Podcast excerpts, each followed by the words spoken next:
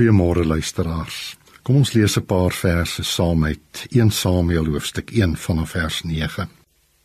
Op 'n keer na die offermaaltyd in Silo het Hanna opgestaan terwyl die priester Eli op sy stoel langs die deurkusyn van die tempel van die Here gesit het.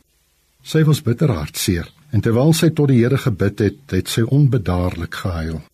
Sy het 'n gelofte afgelê en gesê: "Here Almagtige, As U tog op my ellende wou let en aan my, U dienares, wou dink en my nie vergeet nie, en aan my 'n seun gee, sal ek hom sy hele lewe lank aan U gee.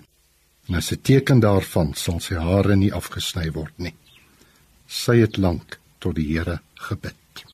Waar ons volgende week Kersfees vier, wil ek graag die volgende dae vanuit die Ou Testament 'n klompie gedagtes uit die boek Samuel gaan haal en dit vir ons deurtrek na die boodskap van Kersfees wat dit vir ons vandag beteken.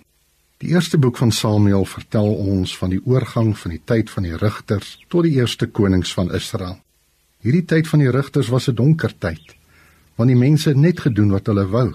Daar was geen wet en orde meer nie. Die mense was vasgevang in 'n kringloop van sonde en God se straf daarop.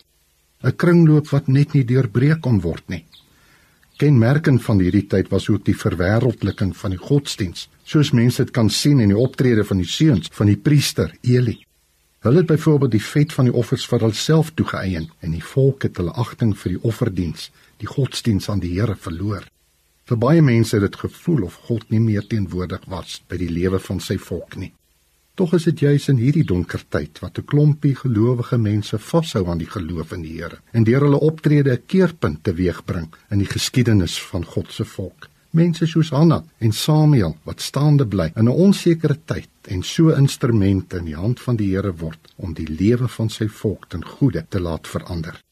Die kinderlose Hanna wat 'n gelofte aan die Here aflê dat as die Here aan haar 'n seun sal gee, sal sy daardie seun vir sy hele lewe lank aan die Here gee want haar geloof was gebou op die besef dat die Here die lewende en almagtige God is wat altyd teenwoordig is by sy skepping en sy kinders. Dat die Here die gang van die lewe in sy Vaderhand vashou. En dis die tema van die hele boek van Samuel. Die Here die almagtige is by sy mense ook in hulle donkerste tye. In hierdie tyd voor Kersfees is dit juis hierdie boodskap wat ook weer op ons harte gedruk word. Die Here Ons almagtige God los sy kinders in die wêreld nie alleen nie, maar bring uitkoms en redding op maniere wat mense dit die minste verwag. Soos God inderdaad ook vir ons gedoen het met die koms van sy seun Jesus Christus na ons wêreld toe as ons redder en verlosser. Troue Here, dankie vir u liefde. Dankie dat ons kan weet ook in ons donkerste tye is u daar en gee u vir ons uitkoms op maniere wat ons nie gedink het moontlik is nie. U stuur vir ons 'n redder, 'n verlosser.